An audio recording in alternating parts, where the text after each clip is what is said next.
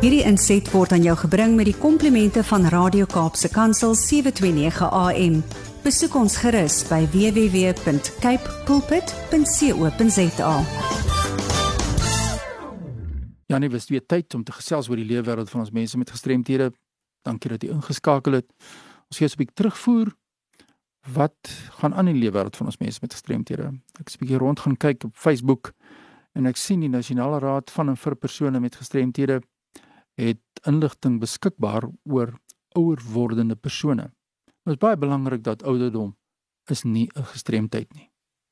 Maar as baie die impak van ouderdom lei tot baie forme van verlies wat dan kan lei tot 'n vorm van gestremdheid. Kom ons vat 'n praktiese voorbeeld. Deur veroudering verloor 'n persoon byvoorbeeld sy gehoor, verloor sy mobiliteit en dit lei tot 'n gestremdheid. Nou wat is 'n gestremdheid? Gestremdheid is wanneer die gemeenskap daardie persoon of persone weerhou om op 'n gelyke basis, gelyke grondslag te kan meeding. As mens prakties wil wees, mense raak oud en hulle kan nie meer so mooi hoor volgens die mense nie. So wat doen hulle? Die gemeenskap sluit die mense uit. Mense gaan nie meer kerk toe nie. Daar word nie toerusting geïnstalleer nie. Die mense dink nie dat daardie mense wat ouer word, het daardie brandende begeerte om te kan kommunikeer. Maar hulle kan nie as gevolg van die feit dat hulle nie mooi kan hoor nie. Daar's nie toegang tot hulpmiddels nie en dit is nie net vir mense met gehoorverlies nie, daar's mense wat sigverlies het, mense wat mobiliteitsverlies het wat nie toegang het tot die hulpmiddels om hulle te help dat hulle kan onafhanklik funksioneer nie. Nou sien ek by die nasionale raad spreek hulle ook hierdie ding aan met spesifiek daar's 'n opskrif wat sê especially in the elderly hearing loss can impact the exchange of information, significantly impacting everyday life, causing loneliness, isolation, dependence, and frustration, as well as communication barriers and challenges. So wat het die raad nou gedoen? Hulle daar 'n video-opname geplaas by die Nasionale Raad van en vir persone met gestremdhede. Ek gaan vir jou die kontakbesonderhede deurgee dat jy kan toegang hê as jy nie die nasionale raad se webtuiste of kan opspoor nie stuur sommer e-pos aan my ek gaan nou net my kontakbesonderhede deurgee dan gee ek vir jou die skakel wat jy kan kyk na daardie video.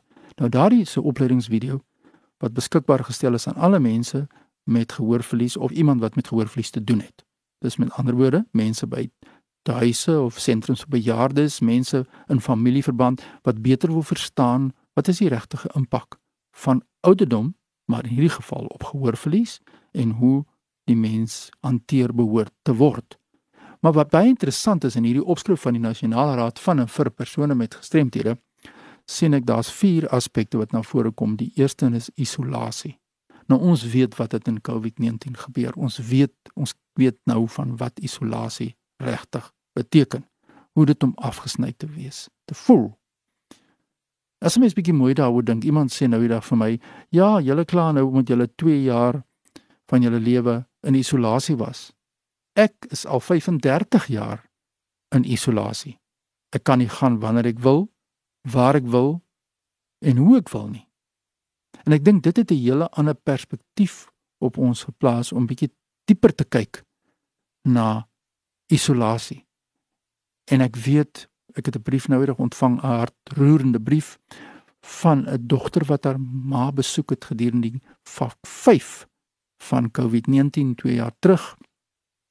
En sy het geskryf hoe hulle gegaan het en buitekant, buitekant die draad moes staan om met haar ma te kan kommunikeer in die wind.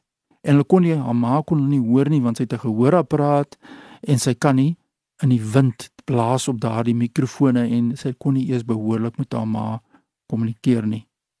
En dit was in toe vlak 5 van COVID nou aan die orde van die dag was. Maar boonop behalwe dit, daar's mense wat tussen ons sit wat eintlik in isolasie is.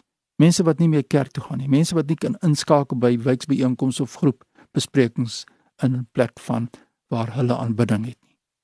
Natuurlik dit lei 'n ander aspek wat in hierdie opskrif van nasionale raad by hierdie video dan geplaas is die kwessie van eensaamheid.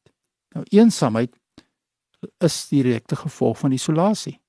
Hoe spreek ons dit aan? of aanvaar ons maar as 'n mens kyk na iemand wat gehoorverlies het, dis maar deel van oud word. Iemand is maar eintlik daar alleen. En hy moet maar eintlik maar uitgesny word en ons het nie tyd om te herhaal nie.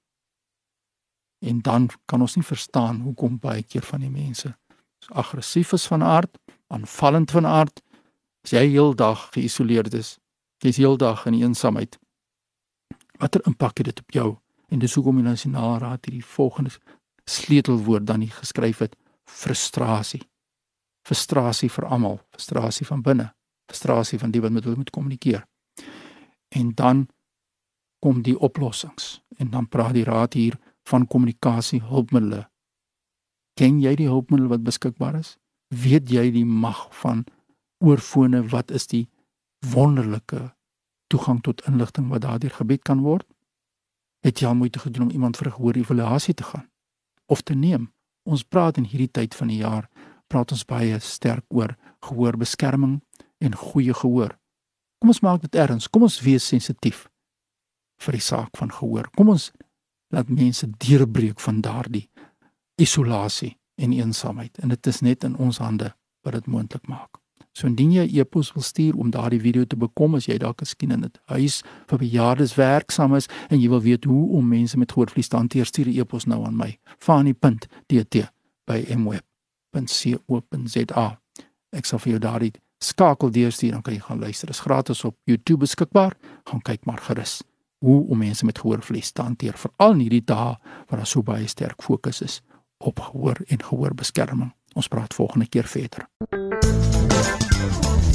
Hierdie inset was aan jou gebring met die komplimente van Radio Kaapse Kansel 729 AM.